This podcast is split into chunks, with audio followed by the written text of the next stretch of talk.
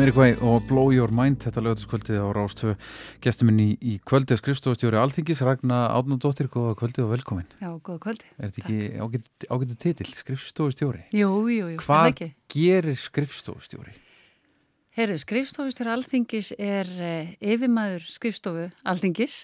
Já. Þar, eh, sérst, á Alþingi vinna alls eh, 130 manns auk, hérna alþingismannina. Þannig að þetta er tefnilega 200 manna vinnustöður. Já, og það er bara rekstur og utanumhald og ýmislegt sem að þarf að sinna. Já, emitt. Og hafa heimil á þessum, þessum þingmunum. Það sjáðu nú bara um sjálfur.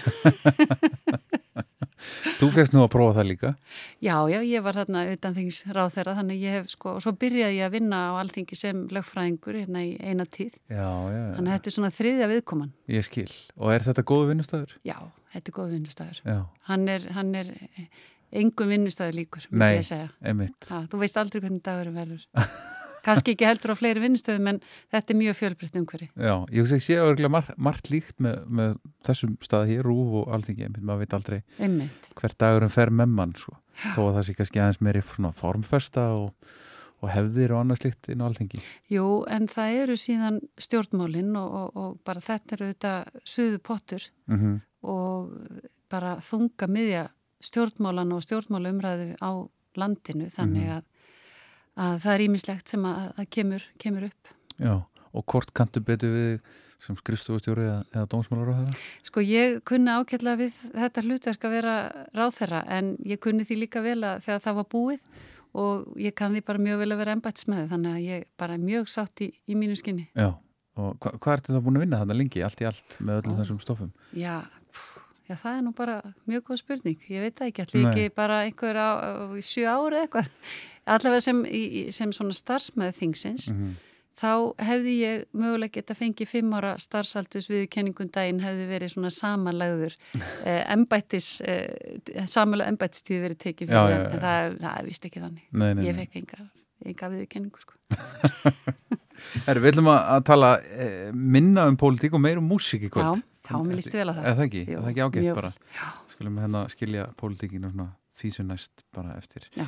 E, þú fyrst 20 spurningar, Já, þú ert búin að svara. Já, þetta var uh, mikil höfverkur Já. því að mér fannst svo mikið, það var svo, var svo mörg lög Já, já, já. sem kom til greina. Við getum alveg stimplað þetta að síslumanni, það ekki? Hann, Jú, jú, þetta er allt bara, þetta Já. er allt hárétt. Það ekki? Jú.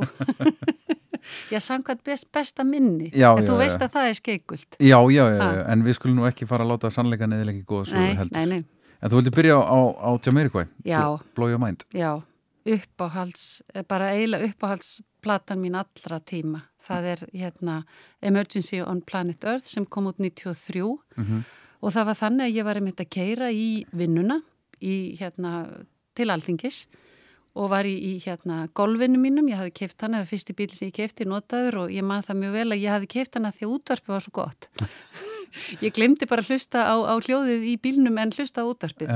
En þá kemur þarna í útvarpinu þetta lag, uh, Emergency on Planet Earth, hérna Too Young to Die segi ég, mm og ég hugsaði með mér, er þetta Stevie Wonder, nei hann er ungur þessi og eitthvað og ég verð svo hrifin að ég rík bara beint í, í það eftir vinnu að fara út í plötubúð Mhm.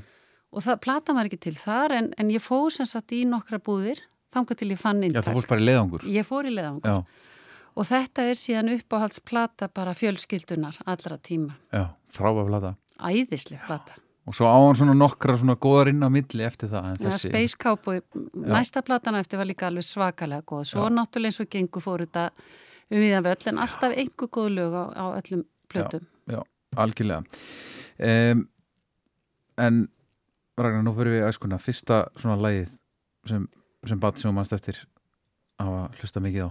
Sko ég hérna þegar, þegar, þegar ég ólst upp, ég fætt 1966 Já, þá hérna sem úlingur þá eh, náttúrulega var það þannig að það maður treyst á útvarpið. Já, og það var þetta sumar 1979, þegar 13 ára og ég hlusta alltaf á kanan á lögadögum og það var American Top 40 já. og það var Casey Kasem sem var þar aðal plötusnúðurinn. Mm og var alltaf að spila American Top 40 og það voru þarna, ég, í minningunni voru þetta margar, margar vikur þar sem að var á topp þrjú alltaf eh, hérna Donna Summer með Bad Girls svo var það Ring My Bell og svo var það líka Hot Stuff með Donna Summer. Og ég einhvern veginn í minningunni voru þessi þrjú lög á toppnum í margar vikur, ég veit ekkert um það. En, en ég fór að hugsa um þetta lag sem að hlusta aftur og aftur og það, það kom þetta hérna Bad Girls upp. Já. Það var þá bara alltaf í útvarpinu Já, og það var bara sest við viðtækið á lögutum og ég stilti inn á kanan. Og, og varst að taka upp og skrifa hjá þig? Það var, það var síða því ég egnaðist sko kassettutæki í, í fermingagjöf. Mhm. Þá egnaðist ég normendi kassettutæki og þá tók maður upp á kassettur. Donna Summer.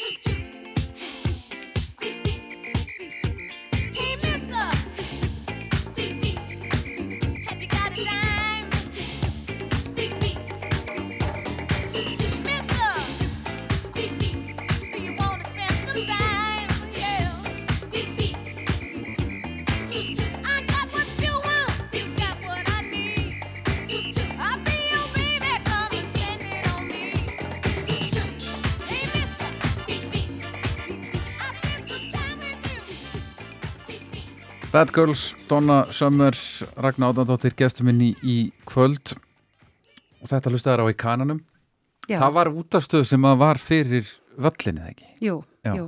Það var þegar að varnaliði var hér. Já, og svo náðist hún bara hérna inn í Reykjavík, eða ekki? jú. Já, Þannig að það svona var mikil viðbót því að það var ekki, ekki mikið spila svona dægur að poptónlist í, í útvarpinu Nei, á var þeim ekki tíma. bara klukktíma viku og Jú, á Rás eitt? jú, það var svona að byrja á þeim tíma. Já, nákvæmlega. Þannig að þú, þannig að þú ert á, á, á, á háréttum aldrei þegar Rás 2 fyrir loftið. Já, Það veit alveg bara já, breytt, já. breytt öllu. algjörlega. Já, Það var bara, ég man vel eftir því. já. Og varstu ánægð með Rás 2 þá? Já, já, mér finnst þetta fínt sko. Já, Og hérna, það var að skonrokk í sjónvarpinu og svo var að rást tvö að lusta og, og hérna það var bara, já, Mm. þetta var ótrúlega mikil viðbót. Þetta var náttúrulega svo fábreytt á þessum tíma, það er bara erfitt að ímynda sér þetta og rifja þetta upp. Nákvæmlega. Nákvæmlega, svo hérna, ymitt, og, og, talandum að rifja upp, næst erum við, erum við komin á að Melarorki, fyrstu tónleikandir. Þessi fræði Já. tónleikar. Já, sko ég hérna, þetta voru sögufræði tónleikar Mhm. og það sem að ég kom helst til þess að, að, að hlusta, ég hlakkaði mest til að, að það var hljónstið þeir Já. og þeir mættu svo ekki. Nei, þeir kom ekki. Varstu pöngari? Já, ég var svona, ég bjó í Kópófi þannig ég, alltaf, ég hef sagt að ég var svona sófapöngari. Ég var Já, svona, ég var, vildi alveg vera pöngari en ég var samt svona í, í þægindi, þægindi heimahúsa. Flestir í kópóinum sófapöngari. Jú, það geti verið. Er En það var svona, eh, fólk var misjaflega hart af sér. Ég held að ég hef verið svona í linar í kantinu. Já, já, já, já, En, en hérna, já, það var, það var pöngi, það, það reyði öllu. Pöngi var uh, stert í kópóinum. Já, það var það og það voru alveg fjölmarki svona, það er heilmikið sem að gerðist á þessu tíma, það voru svona tónleikar hér og þar og, og hérna, maður vissi ekki endil alltaf hvað maður var að hlusta á. Mm En, Það eh. Nei, nei, þetta sapnaðist einhvern veginn allt mjög vel saman í Melarokki. Já, nákvæmlega. Og, og, og þú ert með Q4U. Fyrst að þeir mæti ekki. Já, þetta, það voru náttúrulega, sko, þau voru náttúrulega alveg, sko, ultra miklu töffarar. Já.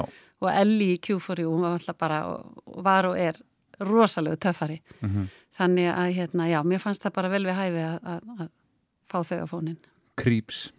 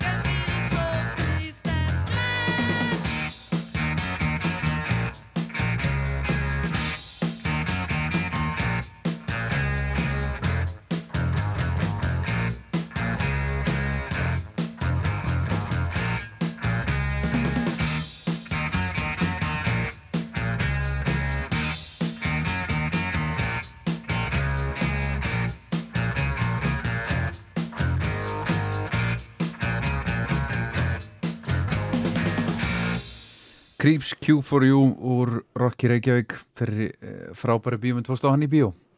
Ég fór á hann í bíó og ég fór með svo kifti plötuna. Já. Það var svo ofbáslega hrifna þessu. Æðislega músík og æðislega mynd. Að Bara frábæð mynd, hún var líka svo rá og, og síndi manni svo mikið. Eitthvað að maður hafi bara ekki vanur að fara á svona bíómyndir. Já. og Var Reykjavík svona? Ég veit öruglega eitthvað en ég menna samfélag er alltaf lagskipt. Ég, menn, ég var alltaf freka mikið nörd og aldrei inn í einhverju svona ægilega töff hópum sko þannig að ég horfði alveg bara opinmynd á þetta og segi bara vá hvað þetta er flott Hva, varstu, varstu, hvernig nörd varstu? Æ, ég var svona bara bókaormur og saklaus og, og svona Hvað varstu að lesa? bara alls konar, Já. og, og alls konar, hef alltaf bara verið aðlætt á bækur. Já, hvað er að lesa núna?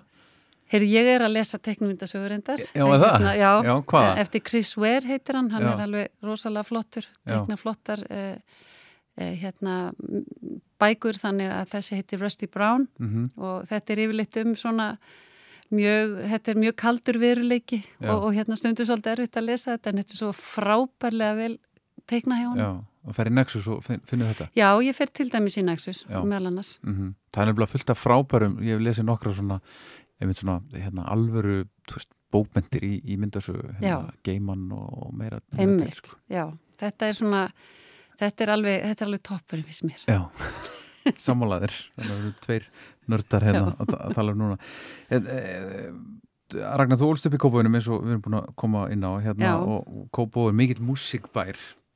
Pengi var mjög stertar og, og það er bara já, mikið af, af tónlist í Kópavun hvar, hvar varst í Kópavunum, hvar ólst upp? Herri, ég bjó á skjólbrutinni sem var svona tilherið vestubænum en eh, var mjög nálægt austubænum á hálsinum sem að, að, að er líkur yfir kópáin. Mm Þannig að það var mikið svona stríðamilli vestus og austus og, og hérna og nemyndur í Víhólaskóla og Þingólaskóla þeir eh, áttu það til að fara yfir og, og hérna, ég segi nú ekki lumbra hverja með öðrum en þetta var svona, þetta var alveg stríð. Það var rígur Það var rígur sko, þannig að ég bjóð þarna í, í svona miðjunni en tilherðu þetta vestubænum. Já, og Kópavur í dag er náttúrulega bara einhverju allt öru Já, já, þetta er bara englabær bara. Já, bara svo stór er svo stór, já, já, þú veist það talaði um hérna hlýðasmár og ég sagði, veist, í mínum huga er hlýðasmár, já, þar fór maður kannski hjólreðatúr og, og, borðaði nesti, sko. Já, einmitt Og hérna, þetta var alveg gífulega stór bær. Já, nákvæmlega er Ertu ennþá í Kópaví?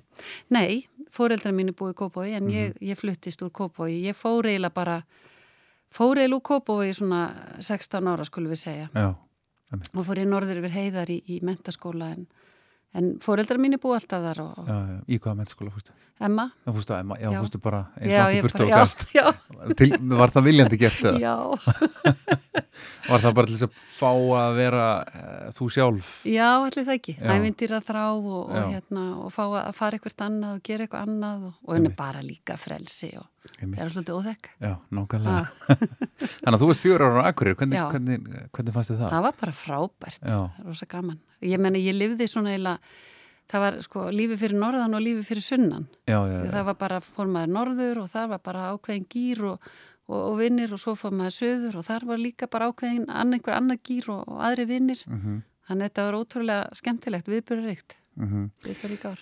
Með það eru ekkit e, fyrir sko mentaskóla krakka að, að vilja upplifa þetta svona búa á campus og upplifa Mhm. þetta, þetta líf sem að ég veit til dæmis að, á, á meilandi Európi er þetta aðal málið þegar, Mhm. þegar fólk hérna, krakka klára grunnskóla það bara komast eins langt frá Já. fóröldi sinum og Einmitt. og fá að fara bara í þá veist eh, hérna mentaskóla eða, eða háskóla Já, en, en það er rauninni bara Ísafjörur, Akureyri og, og, og Lögvatni ekki jú, eigilstaðir. Já, Egilstæður, Já. já, já.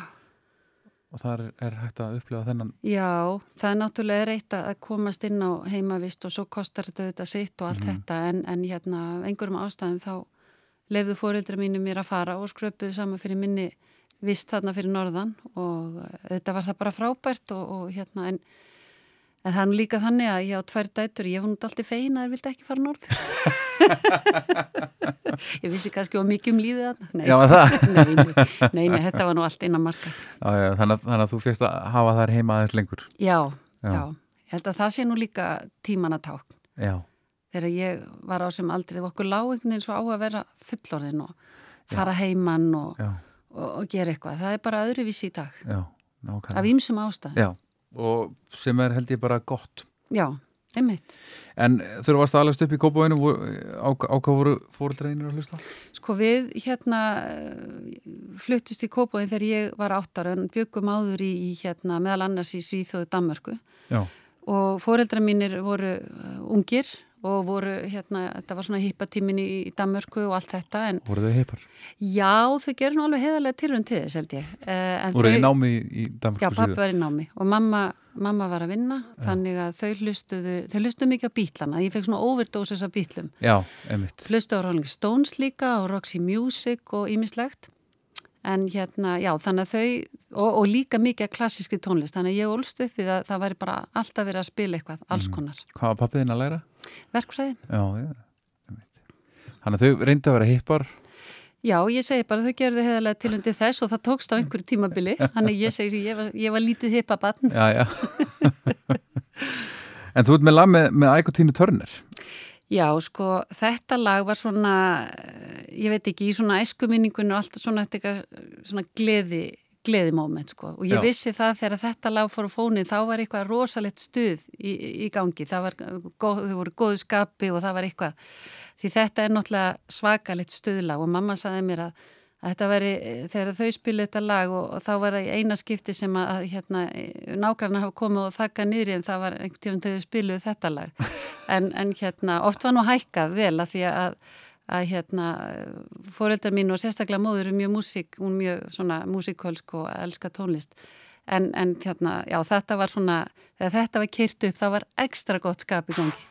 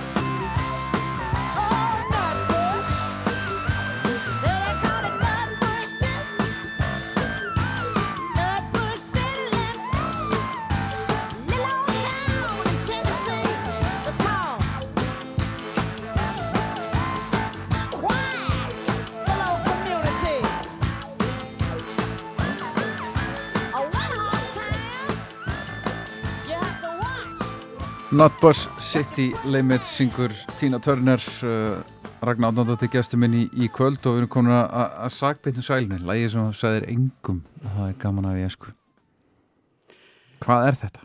Já, ég sko, ég veit ekki, ég, ég var einmitt að hugsa sko, á ég að bara opna mig með já, þetta. Já, já, já. Sko- Skila þessu bara Já, já, það var bara B.A. Robertson, Flight 19. Ég fór, sko, þetta var líka eina plötunum sem að, að ég kefti, sem að, að, hérna, ég kefti mjög fáa plötur og akkur ég kefti ég þessa. Ég meina, ég var svona við það að fara að kaupa rock í Reykjavík og vera rosa töffari.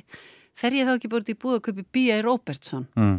og mér fannst þetta lag Flight 19 alveg geggjað en auðvitað er eitthvað korni við það þannig að, að hérna, ég var ekkit sérstaklega stolt af því að, að við þætti það mjög skemmtilegt Nei, þú varst ekki þetta í, í, í Nei. fyrir, fyrir neitt Nei, nei. Þú áttið þetta Nei, ég og, og besta vinkona mín við, svona, við hlustuðum á þetta saman Já. þannig að Flight 19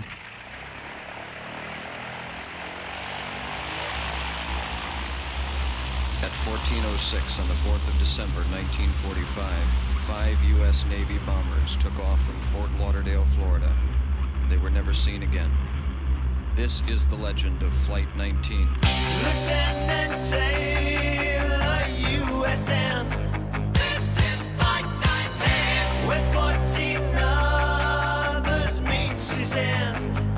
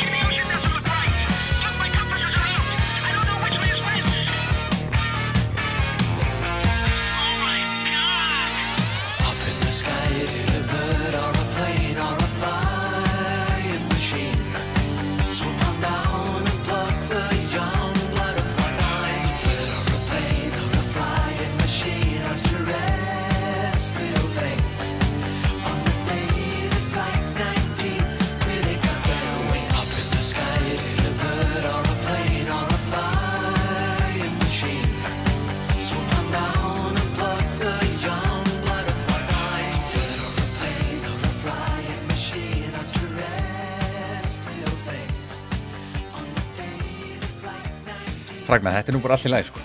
Vistu það? Já, já, já, það er margt verið þetta en hvað, hvað, hvaðan af hverju greip þetta þig? Hvar heyrður þetta? Ég bara örgla heyrti þetta í útvarpinu Já. en ég bara, mér fannst sko, þú veist þetta var um, um, um Flight 19 sem að, að týndist í Bermuda þrýðhitningnum, mér fannst það alveg rosalega spennandi, þetta er allt um minna Bermuda þrýðhitning og hann getur bara horfið einhverja flugvélar og svona en svo fannst mér líka bara gítarinn í þessu svo töff og svo fannst mér þetta veist, viðlag, maður fannst einhvern veginn svona allt gýrast upp í eitthvað rosa stuð. Og það er nú kannski minn, minn laga smekkur svona upp til hópa ef það er eitthvað svaka stuð í gangi. Og það var bara eitthvað, mér fannst þetta bara geggjað, geggjað lag. Nákvæmlega. Herru, þá erum við uh, komin að áratögulegunum og við byrjum í áttunda áratögunum, 70s. Já, hérna veist, það eru ótrúlega mörg, mörg flott lög á þessum áratug, alveg bara og, og hérna, ef ég horfi bara hlusta, horfi á mína lagalista og svona, það er margt frá uh, hérna áttunda áratugnum. En svona eitt af því sem að mér finnst vera svona talti, því ég bara hugsa strax um áttunda áratugin þegar ég hugsa um Glenn Campbell. Mm. og hérna og þetta lag sem að, að, ég valdi Rhinestone Cowboy, þetta er svona þetta er svo frábært sko, hann er bara að labba þarna og segir bara, heyrðu, ég er bara hérna að fíla mig og, og ég er hérna á Broadway og veist, mér finnst ég bara að vera svona eins og einhver glitrandi kúreki þú veist, og ég bara fæ hérna kort og bref frá ókunnu fólki og það er bara fólk að ringi mig af alls konar tilbúð og ég er bara kátur. Mhm. þú veist, þetta bara, þetta gefur mér í gott skap. Er country taug í þér? Já, víst það bara þessu leita. Hann er líka með á annar lag sem heitir Wichita Lineman sem er ógstlega flott. Frábært lag. Það er rosalega flott. Og hérna, en já, hann er bara svona klassísku gaur. Já, Glenn Campbell.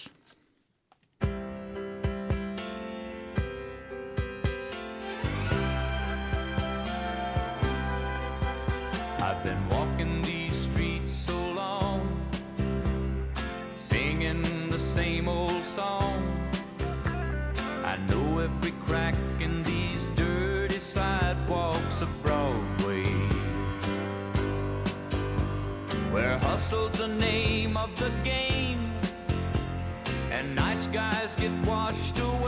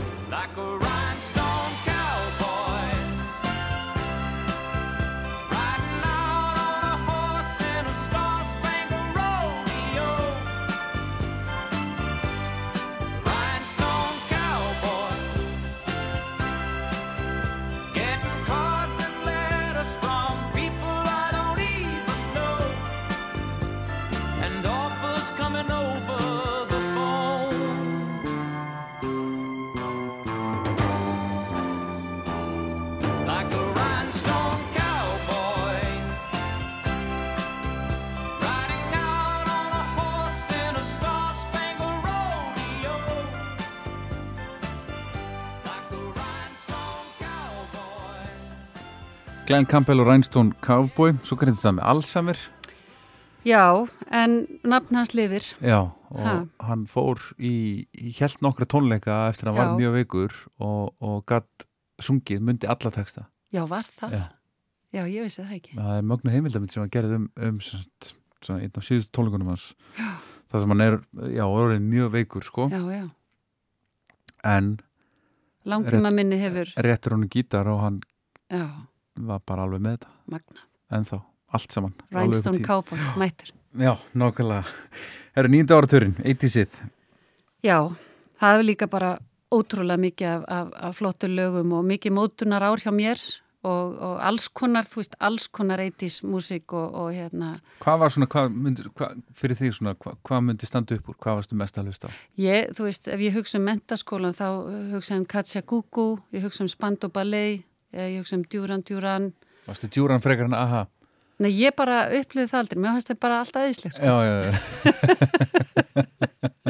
ég, ég skildi aldrei, þú veist, þetta er eins og hérna myndi sem að síndu daginn Batman vs. Superman, ég meina, þú veist, heyri, þe þetta eru bara vinni, sko. Já, já, já. Ha, þeir eru í sama liðinu. Já, já, nákvæmlega, nákvæmlega, já, nákvæmlega.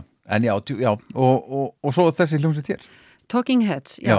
Ég valdi þetta lag, þetta var svona ultra partílæði, sko. Já, já, já, Þetta, var, þetta var sett á fónin þegar að, hérna, að leikar stóðu sem hæst og, og, og hérna, næsta skrifa bara að fara að vippa sér út á diskotek.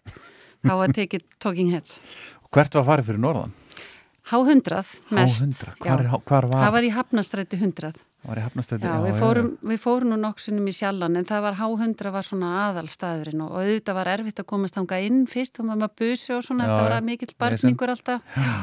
En svo hérna léttist nú róðurinn svona þegar á leið, þannig að við, vorum, við vinkunna vorum fastagestir í H100. Talking Heads, Making Flippy Floppy. Wait a minute. Everybody,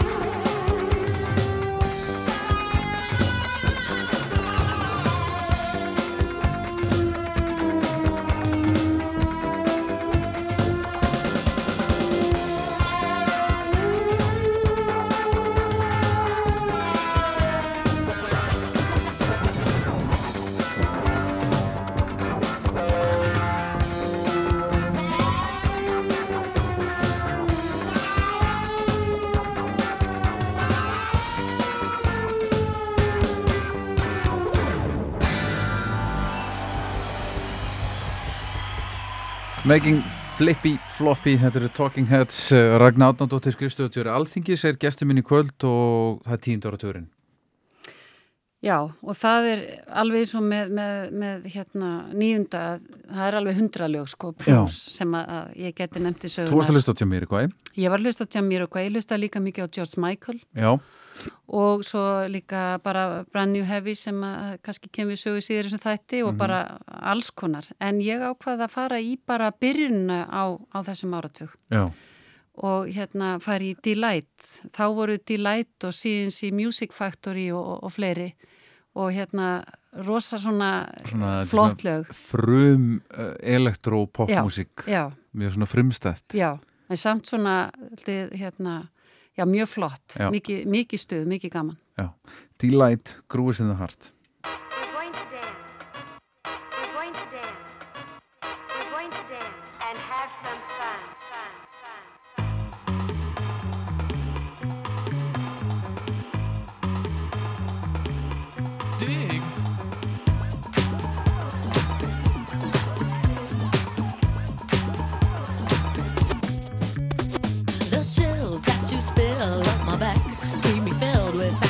satisfaction when we're done, satisfaction of what's to come.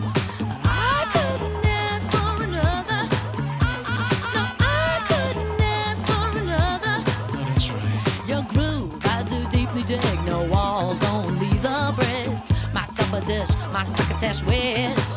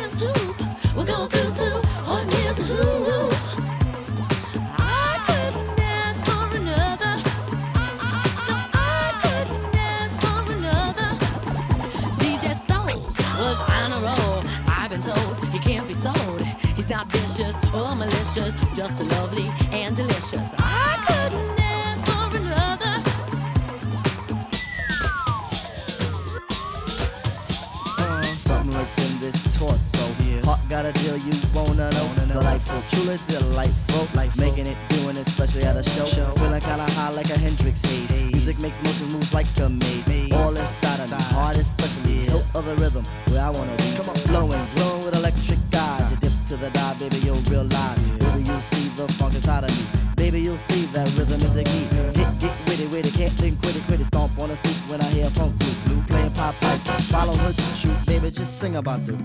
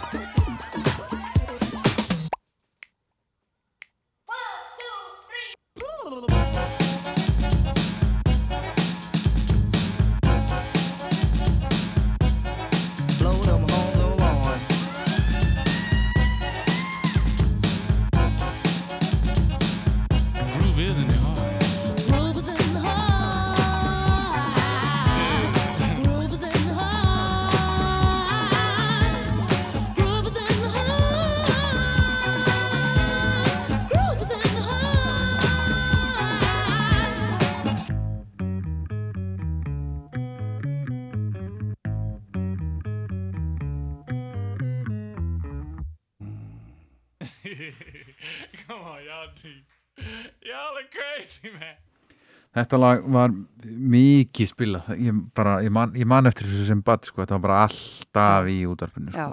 Já, já.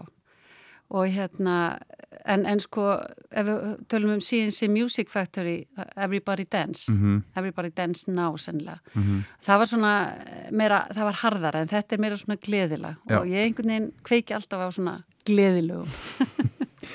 Herru, uh, eh, næst er það sálistamæður sem verður til að sjá tónleikum Já, það er hérna Christine and the Queens sem Mhm. að ég uh, sess að það var nú þannig, þetta var nú einmitt lag sem ég heyrði í útvarpi. Já. Það Andri hafi verið að spila þetta inn í sítiðis útvarpinu Já, og hann spilar hérna þetta lag Girlfriend og ég bara er einhver staðar að fara að gera eitthvað og ég verð svona ofbóstlega hrifin og var nú eitthvað að reyna að spyrja Siri í símanum hvað lag þetta væri og það mistókst náttúrulega allt saman þannig ég var eiginlega að leggja að minni og ég geri það stundum ef ég heyri einhver flott lög og þá leggja að minni nokkra hérna nokkur orð, Mhm. af því þú svo googla maður og þetta er yfirleitt til í einhverjum textum eða eitthvað. þú þarft að fá þig bara sjá sjám í símaðin sko. Já, örglega, já, heyrðu, ymmit, þá þarf ég ekki að vera að googla og leggja minnið. Nei, Einmitt, en hérna, já, ég heitlaðist að þessu lægi og síðan uh, var það þannig að, að ég sá einmitt svona fyrir rúma ári að þá var hún með tónleika í París já, og mér langaði alveg svakalega og ég var svona alveg næstu búin að taka einhverja skyndagur, já, skellum okkur bara til Parísar og förum á þessa tónleika og akkur ekki jú, jú, svo bara greip einhver skinn sem er völdin og, Oh. og bara, þú veist, já, já, ok, já, já, nei, það verður bara að gera, býða þið betri kom tíma. hérna á, á hinn á öxlinu Já, það var alveg bara, nei, ekki núna, en Ragnar. hún er æðislega á tónleikum Já, æðislega já, þannig að þetta er eitthvað sem maður að, Mhm. já, stefnað. mm Einmitt. frábær, frábær tónlistakona Hún er sjúklega mikill töfari. Girlfriend, Christine and the Queens Chris.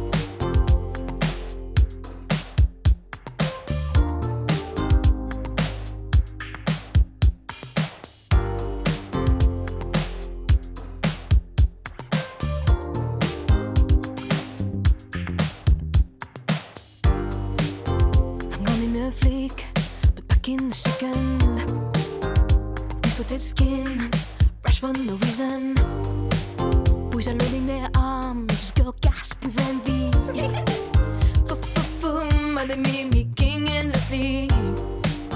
Same as in small lumps on my jaw. For lusting after is the usual fiction. May your girl come, birdie die under the spell.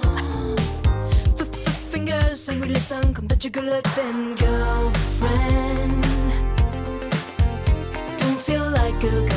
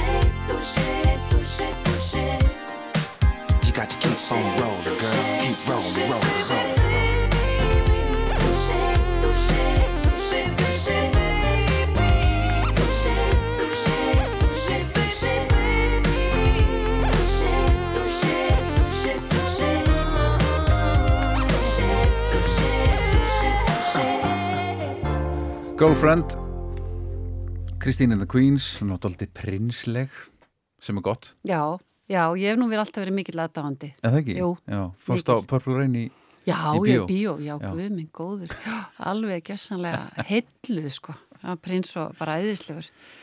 Herðu, uh, platan sem var alltaf leiða Já, ég ákvaða að hérna að um, fyrst ég er búin að tala um Jamiroquai þá, þá er hérna önnu plata sem ég fæ aldrei leið og það er Brand New Heavies um, ég gáfu út hérna uh, plötu 94 uh, Brother and Sister uh, og, og Shelter þreymur árum síðar. Og það var þannig með hérna það lag sem ég valdi það er hérna The World Keeps Spinning og það er hún Davenport sem er þá söngkona með Brand New Heavies. Síðan hættir hún að því hún er bara svo mikið stjarnar og bara fer í sinn hérna solokarriér þannig að Sita Garrett kemur í staðin fyrir hana og syngur inn á þá þessa hérna sjelterplötu sem er líka alveg ríkalega góð og við byggum þá fjölskyldan út í Danmörku á þessu tíma, það var í býði aftur það er á fullorðis Já. árum og, aftur, og þú í námi þá eða? Er, ég var þá að vinna Já. og maður minn í doktorsnámi Já, já, já. þannig að uh, þetta, þessar plötur tengi, tengi ég við bara svona sól og sumar og, og skemmtileg heiti í, í Danmörku og svo fóru við líka á tónleika með Brand New Heavies í, í Kaupanahöfn þá var það hún Garrett sem söng og hún var náttúrulega, hún er náttúrulega rosa flott sko. Já. Davenport er líka rosalega flott en, en, en þetta var alveg meira hátar Það er bara að gott að búa í Kaupmannhafnu upp á tónleika. Það er náttúrulega bara meiri háttar. Allir í gegnum Kaupmannhafnu meiri hátar Já, meiri hátar flott senna þar. Já, algjörlega. Brand New Heavies, The World Keeps Spinning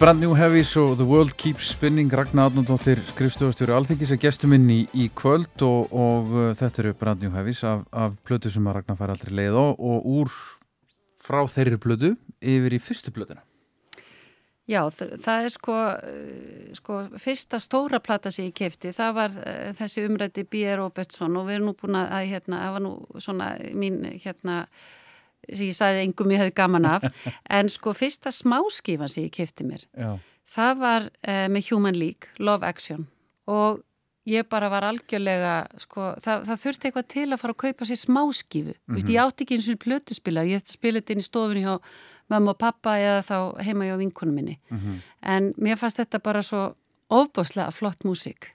Ég hafði ekki alveg heyrt, alveg heyrt þetta á þér. Varstu mikið að kaupa svona sjötumur þá? Nei, Nei. alls ekki. Mér bara fannst þetta svo flott lag, ég bara varði eignast það. Þetta er frábært lag Þetta er æðislegt Átt lag. en þá þessu smáskjöf? Já, Vel gert Já, og þau eru bara líka svo flott, þú veist, þau allt svona máluð og svona, þú veist, þetta var, hann voru þið með eyeliner mennirni, það var já. ótrúlega flott.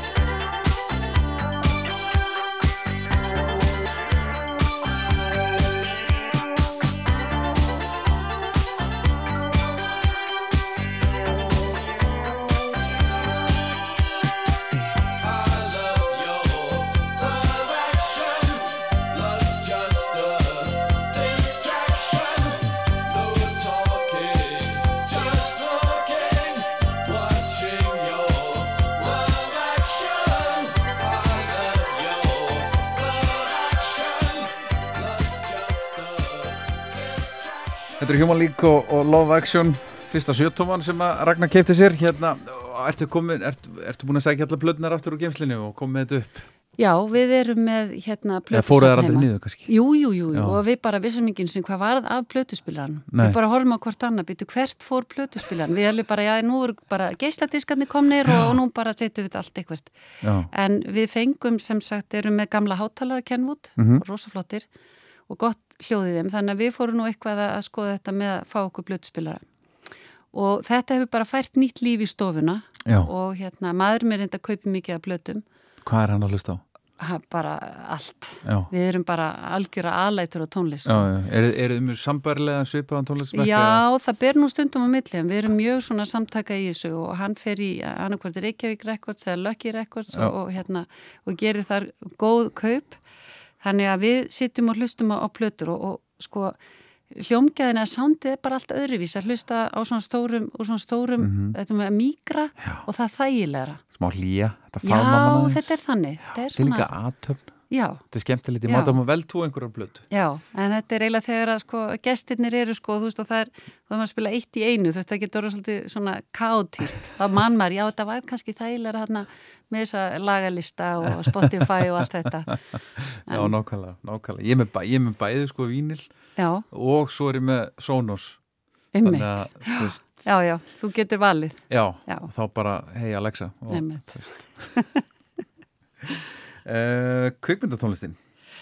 Já, sko, ég, þú veist, Saturday Night Fever, þegar það, svo mynd kom hérna, þú veist, og John Travolta var bara aðal, aðal gægin bara Mm í heiminum, -hmm. þú veist, og þetta lag You Should Be Dancing, veist, það sem hann er í hvítu jakkafötunum, á miður danskólinu, veist, þetta er bara, þetta er sena sem ég get, ég á hérna, já, þessa mynd, diskin, Að ég segja þetta, hvað? ég hef aldrei séð þess mynd. Í alvöru? Aldrei. Heyrðu, sko, þú getur stitt, en þú áttir endur að gera, hún er ótrúlega, sko, þú veist, ef maður horfir á hana síðan mörgum áru síðar, það er margt þarna mjög svona, hvað maður að segja svona, þú veist, já, það, það er politically uncorrect þarna, Já, já, það er ímislegt þarna sem þú hugsa bara, vá, byttu, var ég að horfa á þessa mynd og ég var bara úlingur. um, en það En sem er bara að hann er að, jú, jú, en þetta er mjög svona röff mynd, Mhm. þannig lagað og, og hérna, Ég veit ekki eins og um hvað hún er, sko. Ég veit Nei, ekki af hverju hún ég er er ekki búin að sjá bara hana. um svona klúpa stemningu, Já, þú veist, er bara, hann er bara að vinna í byggingaveru vestlun og rosalega, þú veist, hann yfirmaður hans er hundleðilegur og fóreldrar hans rosa strángir og hann bara fer út á laugadögum, hann greiði sér og fer í jakkafötin Til að fara að dansa. til að fara að dansa, Já. en svo náttúrulega alls konar, hérna, Til að vinna fyrir helgina. já, Já. en það er, það er drama í þessari mynd, þannig að ég myndi í þínum Já. sporum, en, en horfðu allavega á sinni það sem hann er í hvítu jakkafötunum. Bee Gees.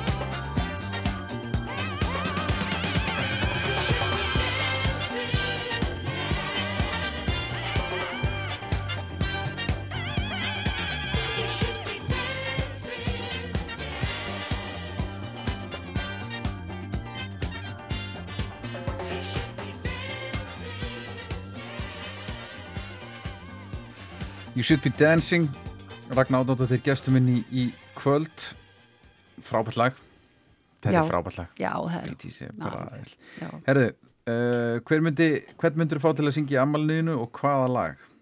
Sko ég hef Og er þetta kannski Já. saga?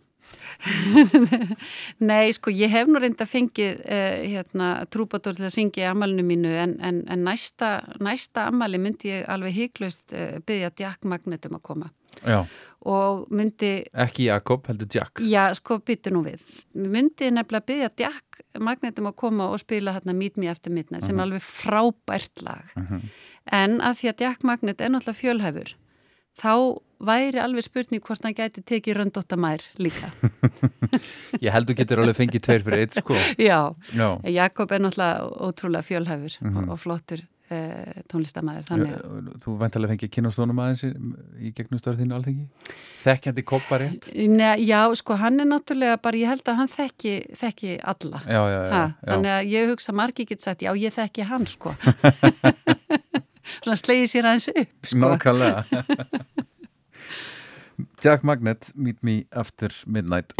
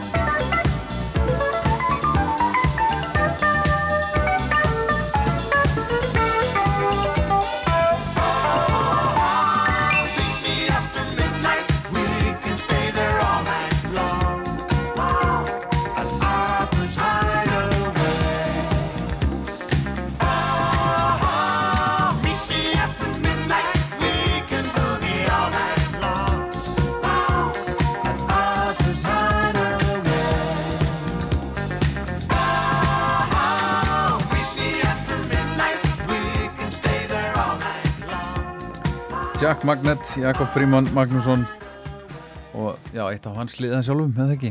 Jú, Já, jú, jú. Me After Midnight Já uh, Herðu, íslenska lagið, hvað er þetta þar?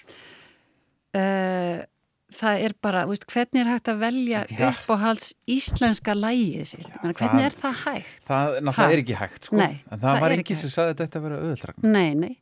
Og ég skipt um skoðun örgla tíu sinn. Já, En að því það er nú Eurovision í gangi, já. þá hérna hugsaði með mér Er að það heilu stund? Nei, nei, nei, alls ekki. ég hrýfst bara með stemningunni, Já, já, það sem að hún er bara, það er það skiptið, nei, nei, ég veit í að raun og vera ekkert, nei, ekki spyrja mig neitt um Eurovision, ekkert um þetta. Þú bara horfur á það Ég bara horfa á þetta nýtt stundan og svo var bara, bara búið. Já, já, já, já. En, en það var þarna eitt lag sem að, að ekki vann, Nei, nei komst ekki áfram. Komst ekki áfram, nei, Nei, og það er náttúrulega oft lögin sem manni finnst líka að vera rosaflott Mhm. og hugsa, hvað hefði það nú gert? Já, já, já, En það er ekkit víst að það hefði geta gert neitt betur eh, heldur en, en það lag sem að fóra akkurat það árið en, en hérna, en þetta lag dag eftir dag eh, eftir Valgir Skagfjörð sem að, að, að hérna, Guðrún Gunnarsdóttir syngur Mhm. það er bara svo ótrúlega fallegt og maður kemst í svo ofbáslega gott skap og verður svona bjart sítna og bara heiminn og tilveruna og engin lofslaskviði í gangi og ekkert. Þetta er bara, þetta bjargast. Dag eftir dag.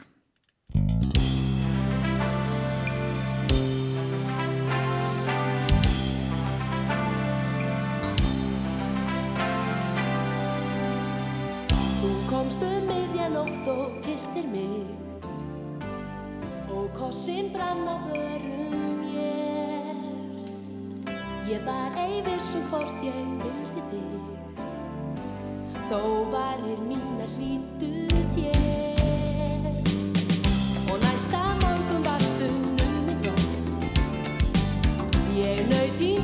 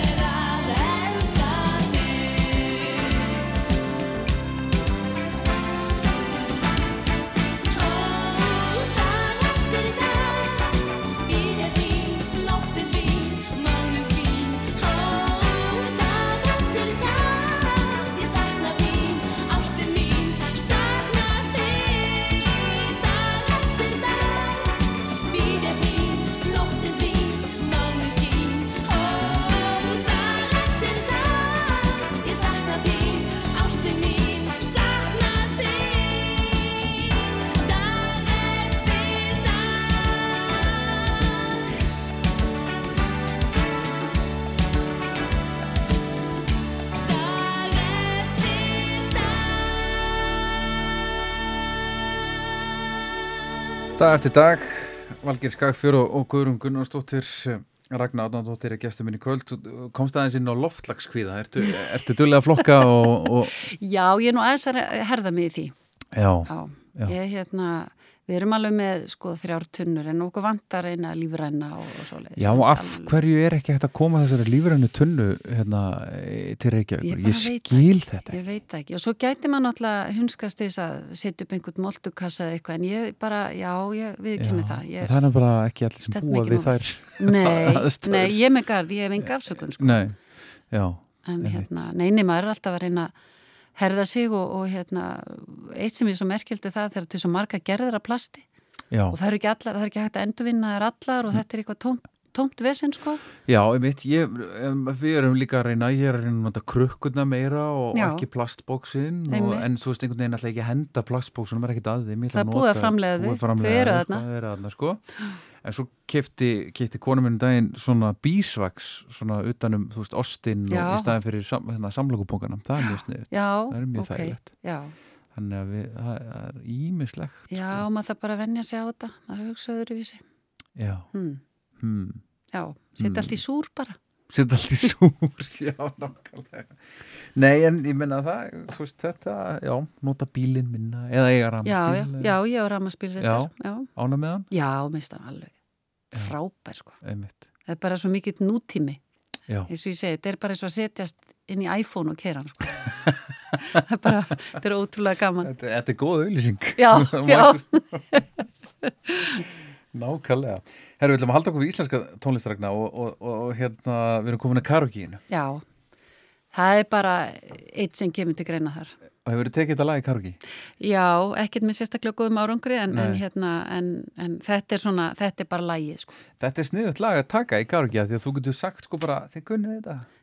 Þú já, akkurat. hvað kunna allir þetta lag. Það kunna allir lægið Já. og, og, og textin er, þú veist, þannig að maður þarf ekki að vera mjög mikið að rýna í, í, þú veist, veist maður, já, maður, maður svona á að komast skamlust í gegnum þetta. Þetta er, þetta er hérna þetta- er bara eitt af þessum lögum sem að kemur með móðumilkinni og mikið stemningslag. Já, og, og fleiri náttúrulega sem að, að Björgvin Haldursson hefur, hefur eh, samið og sungið, sko, hérna, það er eitt lag líka sem alveg ferlega skemmtilegt sem að hann, hérna, eh, sem að hann flytur og það er hérna lag Ég skal syngja fyrir þig. Mhm. Þú veist, fullan sala fólki það sem að flói er gullið vín og það er bara einhver sem horfir í augun og bara hún á að vita þetta. Mhm. ha, hann er náttúrulega algjör meistari. Eina ósk, Björgun Haldursson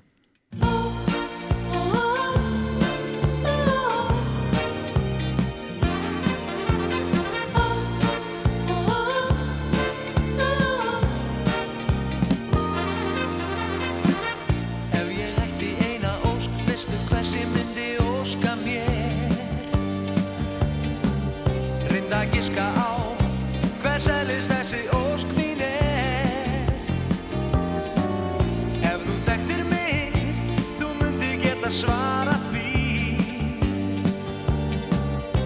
Þú myndir á mig sjá hvað það er sem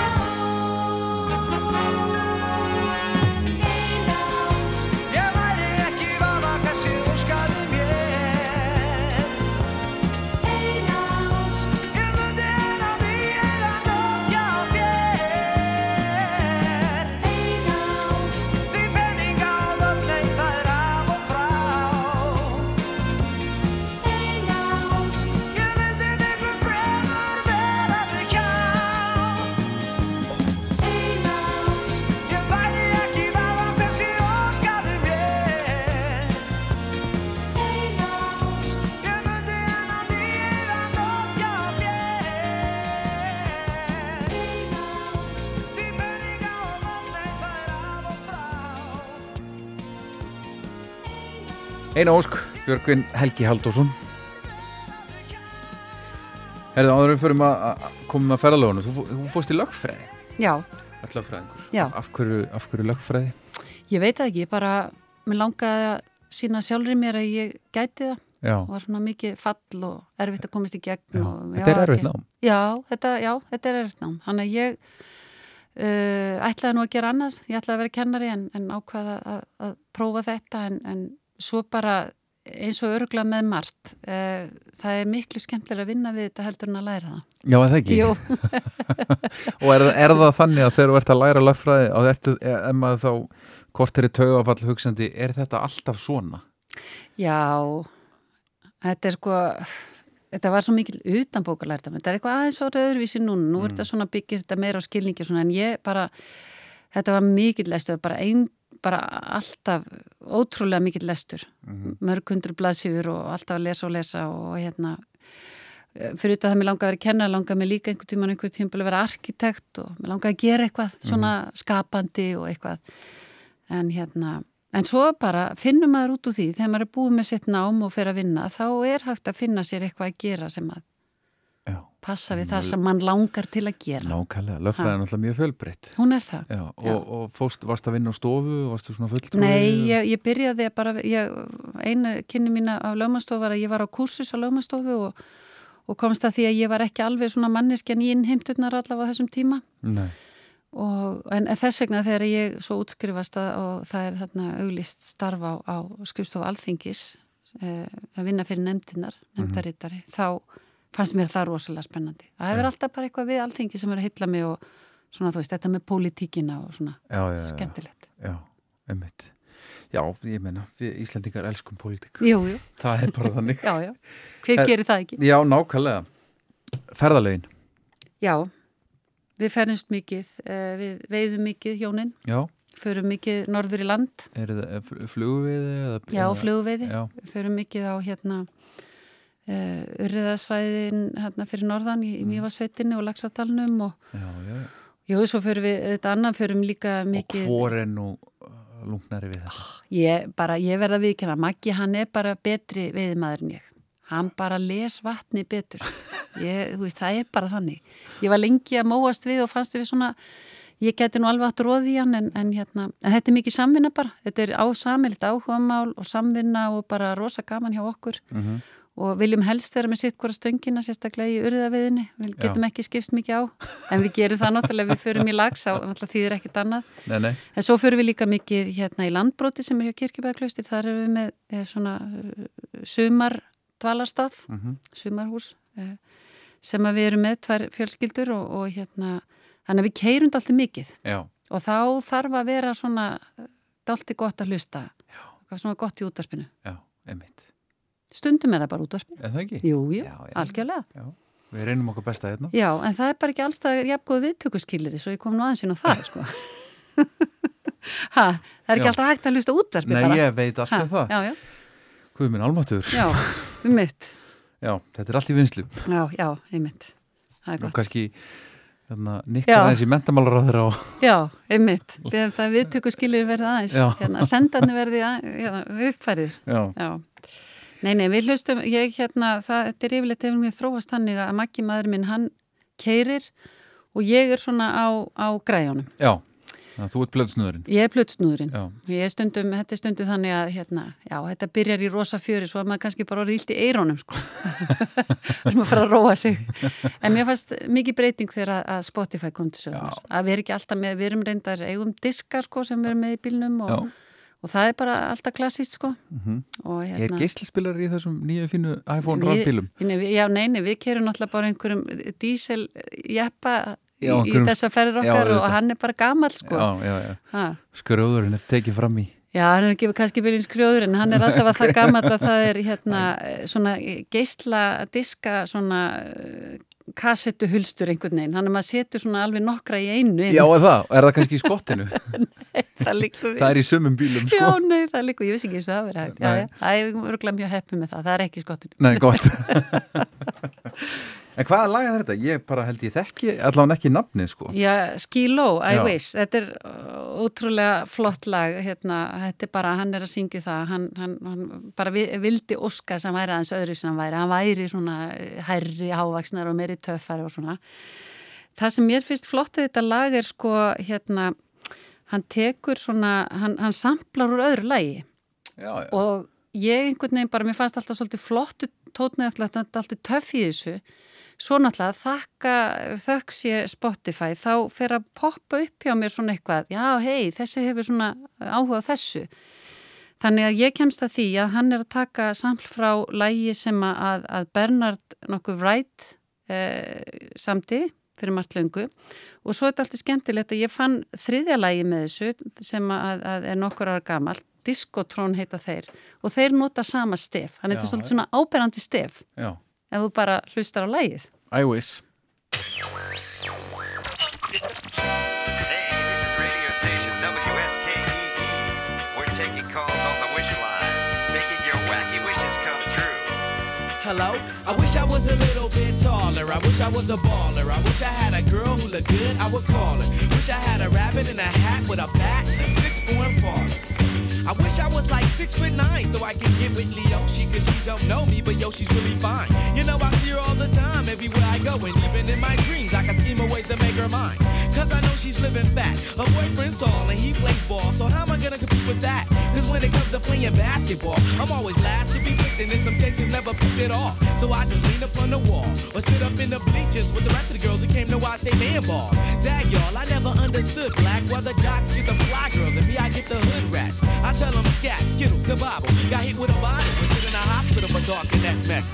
I confess it's a shame when you living in a city that's the size of a box and nobody knows your name. Glad I came to my senses, like quick, quick, got sick, sick to my stomach, overcome it by thoughts of me and her together, right? So when I asked her out, she said I wasn't a type. I wish I was a little bit taller. I wish I was a baller. I wish I had a girl who looked good, I would call her. Wish I had a rabbit in a hat with a. I wish I was a little bit taller. I wish I was a baller. I wish I had a girl with a good, I would call her. Wish I had a rabbit in a hat a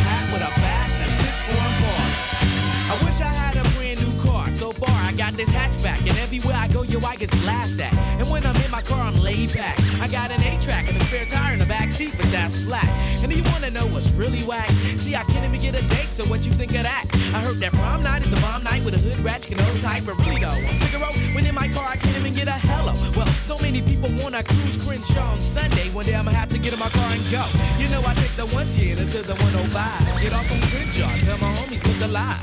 Cause it's hard to survive when you're living in the concrete jungles and these girls keep passing me by. She looks fly, she looks fly. Make me say, my, my, my. I wish I was a little bit taller. I wish I was a baller. I wish I had a girl who looked good, I would call her. Wish I had a rabbit in a hat with a bat and six four parlor. I wish I was a little bit taller. I wish I was a baller. I wish I had a girl who looked good, I would call her. Wish I had a rabbit in a hat with a bat and six four parlor. I wish I was a little bit taller. I wish I was a baller. I wish I was a little bit taller. I wish I was a baller. I wish I was a little bit taller, y'all. Wish I was a baller. Wish I was a little bit taller. Wish I was a baller. Hey, I wish I had my way, cause every day would be a Friday, and you can even speed on the highway. I would play ghetto games, name my kids ghetto names. Little Mookie, Big Al, Lorraine. Yo, you know that's on the real. So if you down on your luck, then you should know just how I feel. Cause if you don't want me around, see, I go simple, I go easy, I go Greyhound. Hey, you, what's that sound? Everybody look what's going down. Ah, yes, ain't that fresh? Everybody wants to get down like that. Wish I was a little bit taller. I wish I was a baller. I wish I had a girl who looked good, I would call her. Wish I had a rabbit in a hat with a bat and a six four parlor. I wish I was a little bit taller. I wish I was a baller. I wish I had a girl who looked good, I would call her. Wish I had a rabbit in a hat with a bat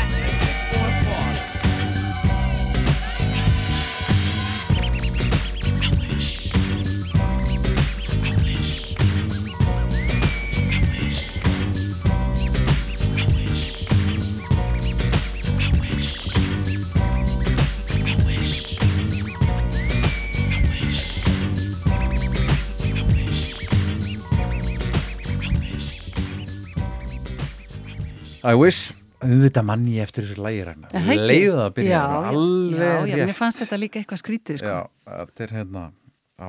Herru, næst er það skemmtileg spurning sem að þegar ég fæ fólk sem er að vinna á alþingi eða pólitíkusa, ég fengi nokkra pólitíkusa hérna, uh, meðal annars fórsetisráðaran, hún er búin að koma inn Mhm. á átt hún var ekki fórsetisráðara þá Nei, Eh, þá, þá spyr ég, ef alþingi væri lag já, og hérna og þú kemur með gott íslensk lag Eh, hvernig, hvernig nálgast þessu spurningu? Uh, já, ég vissi bara einhvern veginn ekkert hvernig ég átt að nálgast þessa spurningu. Ef alþingi var í lag, ég sagði, býttu, hvað þetta að vera kannski einhver svaka symfónía með einhverjum svaka köplum eða eitthvað?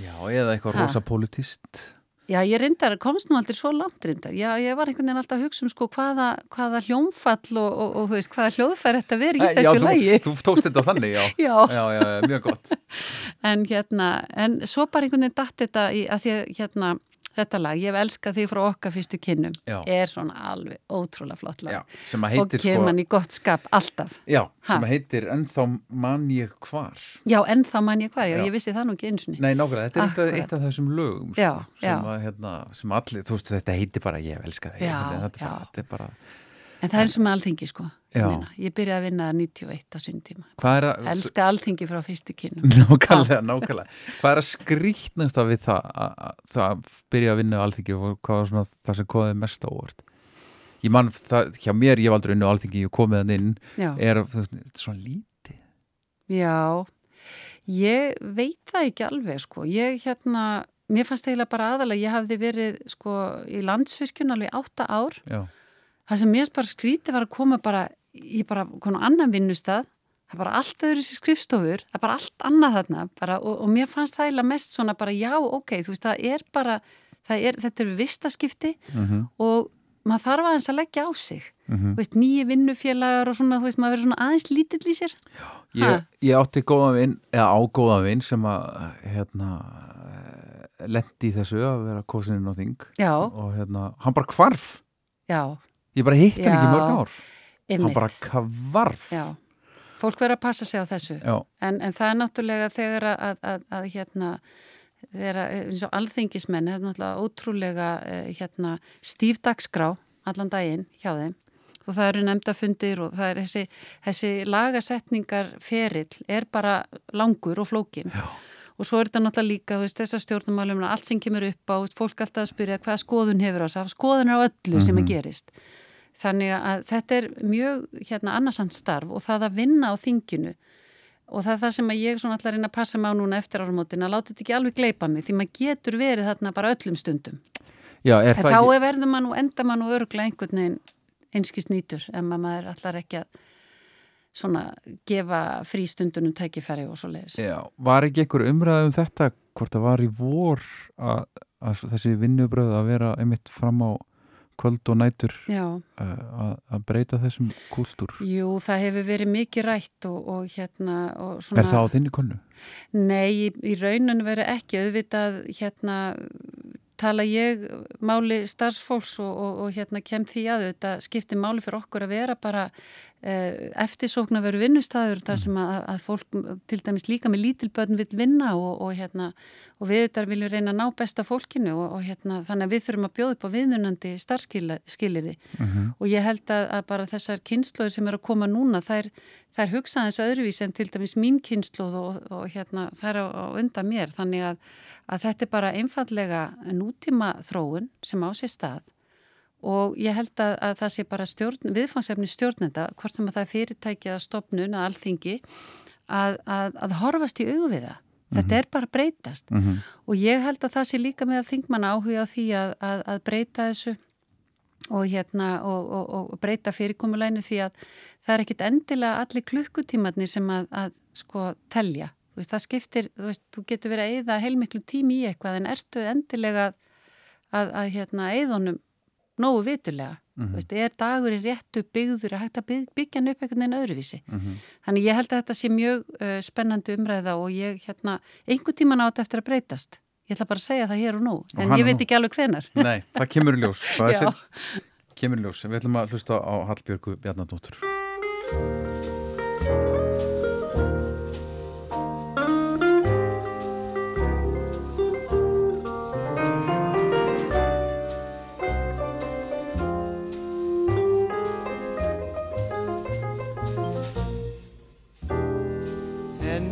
mann ég hvar við mættums fyrsta sinn.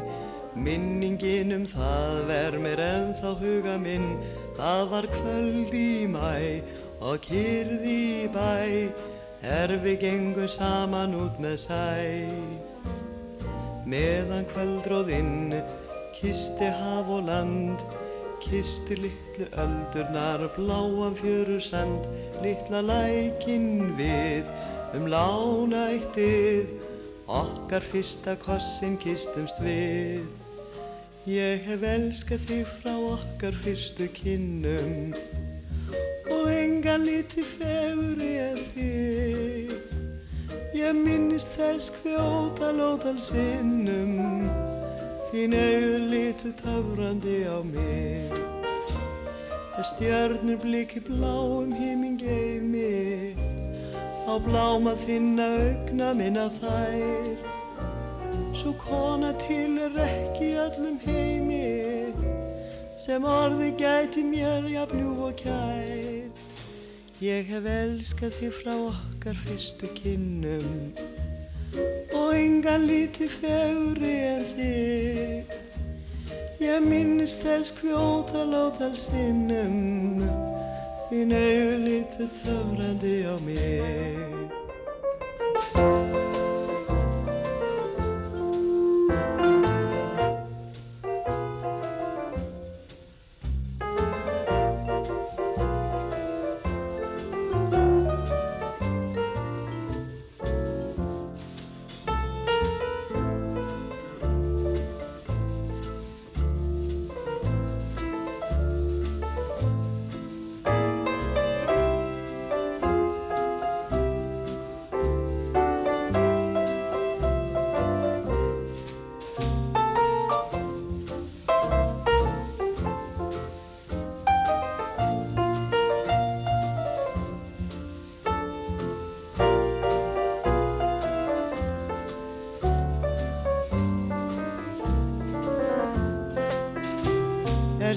stjörnur bliki bláum himmin geimi Og bláma þinna augna minna þær. Svo kona til er ekki í öllum heimi Sem orði gæti mér ég bljúf og kær. Ég hef elskað þig frá okkar fyrstu kinnum Og engan líti feguri en þig Ég minnist þess kvjóta lótal sinnum Þín augu litu töfrandi á mig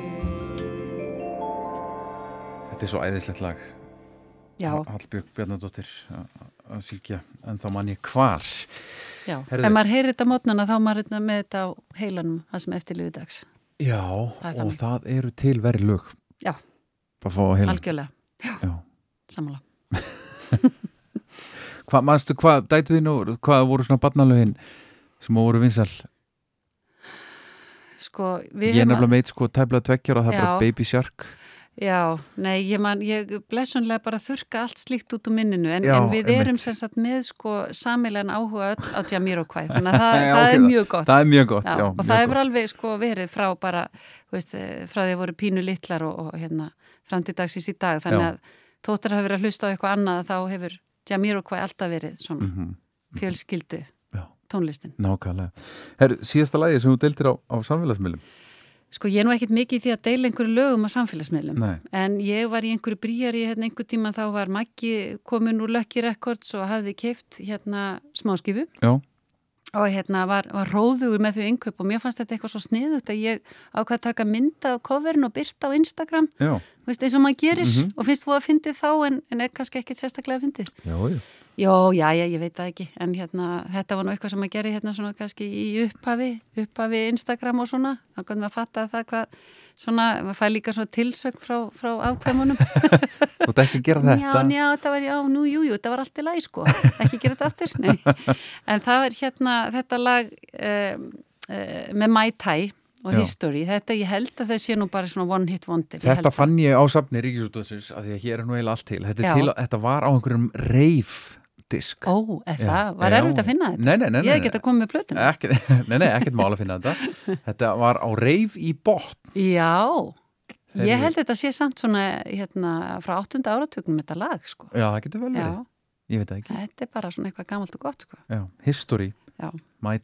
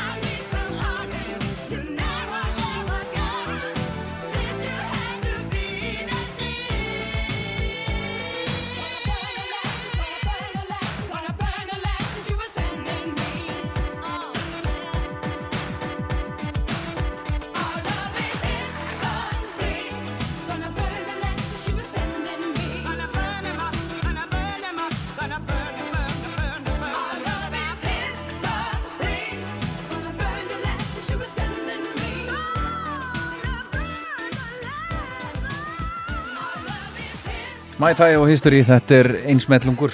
Já, Ragna. já, er það ekki? Jú, Já, jú, jú. já, en þetta er gott lag, sko. Já, gott já, þetta er bara fínt. Þetta er fínt. Gott diskó. En hvað er þetta að hlusta á núna um þessa myndir? Ég er bara að hlusta á hitt og þetta en um, ég fæ stundum svona andagiftin að ég fer eh, einu sinni viku í kramhúsið Já, og er þar að dansa, já, Bjónsi dansa Já. sem að hérna er bara mikil heilsubót, já. eh, ekki, ekki síður andleg heldur en líkamleg Mm og þar eru þetta að spila Þetta er vist bara Ha? hardcore líkansrækt. Já, já, þetta er alveg svaka erfitt. Já. en þetta er líka svo erfitt sko fyrir heilan. Já, að bara býtu hendina á fyrir þess átt og fóturinn í hinna þetta er bara, þetta er rosa erfitt. Og ertu orðin góð? Nei, nei, ég menna ég ger þetta bara. Ha, ég er gera þetta fyrir mig. Nákvæmlega. ég var alveg að fara á nefndasýningar og þetta er bara rosa gaman. Já, maður verður að geta að hleyja sjálfu sér. Já, og ekki að taka sér hátilega og, og fara út fyrir boksi, það er mjög holdt já. þannig að það er akkurat það sem að maður gerir í kramhúsinu Mm og þar er bara fullt af fólki að gera alls konar Mhm. á öllum aldri þannig að hérna ég mæli heiklust með því en það sem er eitt sem að, að mér finnst líka gaman að þá nefn ég svona ströyma á stefnur í því sem er að gerast í, í tónlist, svona, kemur svona eitthvað nýtt tilmanns og hérna ég er alltaf að leita einhverju sem er Mhm. skemmtilegt og, og hérna og ekki, ekki að festast, þú veist, það hafi verið rosalega gaman á 9. og 10. áratögnum ég er bara ekki að festast þar Nei, nákvæmlega, Nei. nei. en hérna, en, en Lissó er rosa flott Já. og hérna flott uh, listakonna og, og, og mér finnst þetta lag Juice alveg svakalega skemmtilegt akkurat núna Heyr, heyr.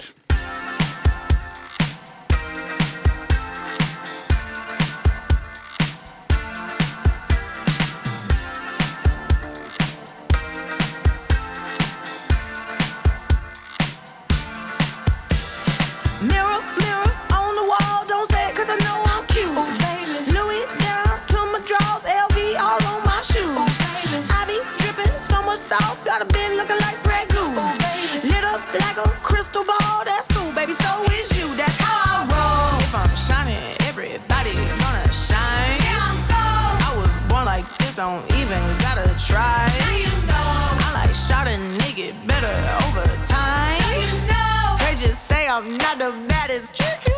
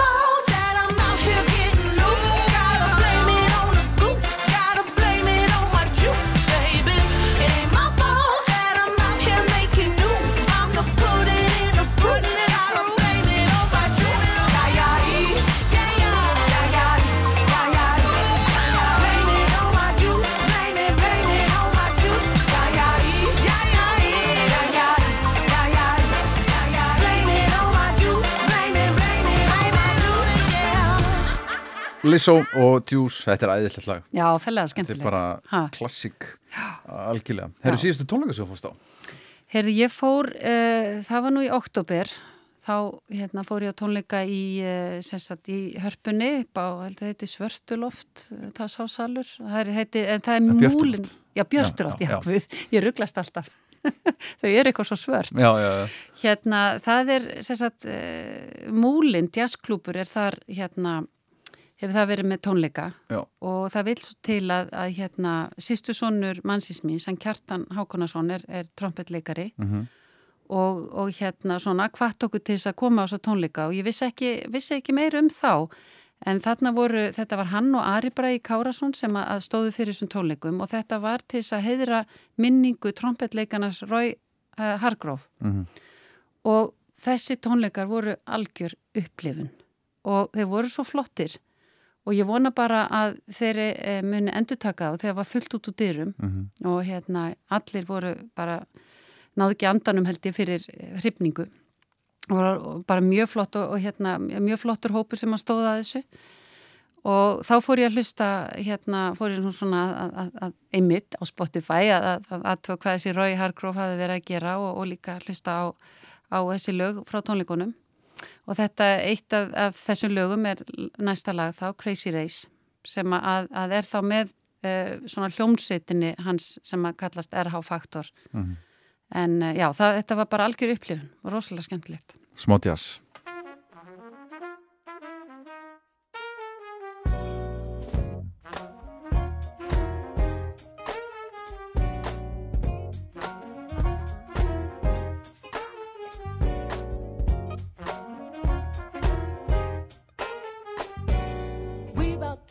on this thing. The time is now.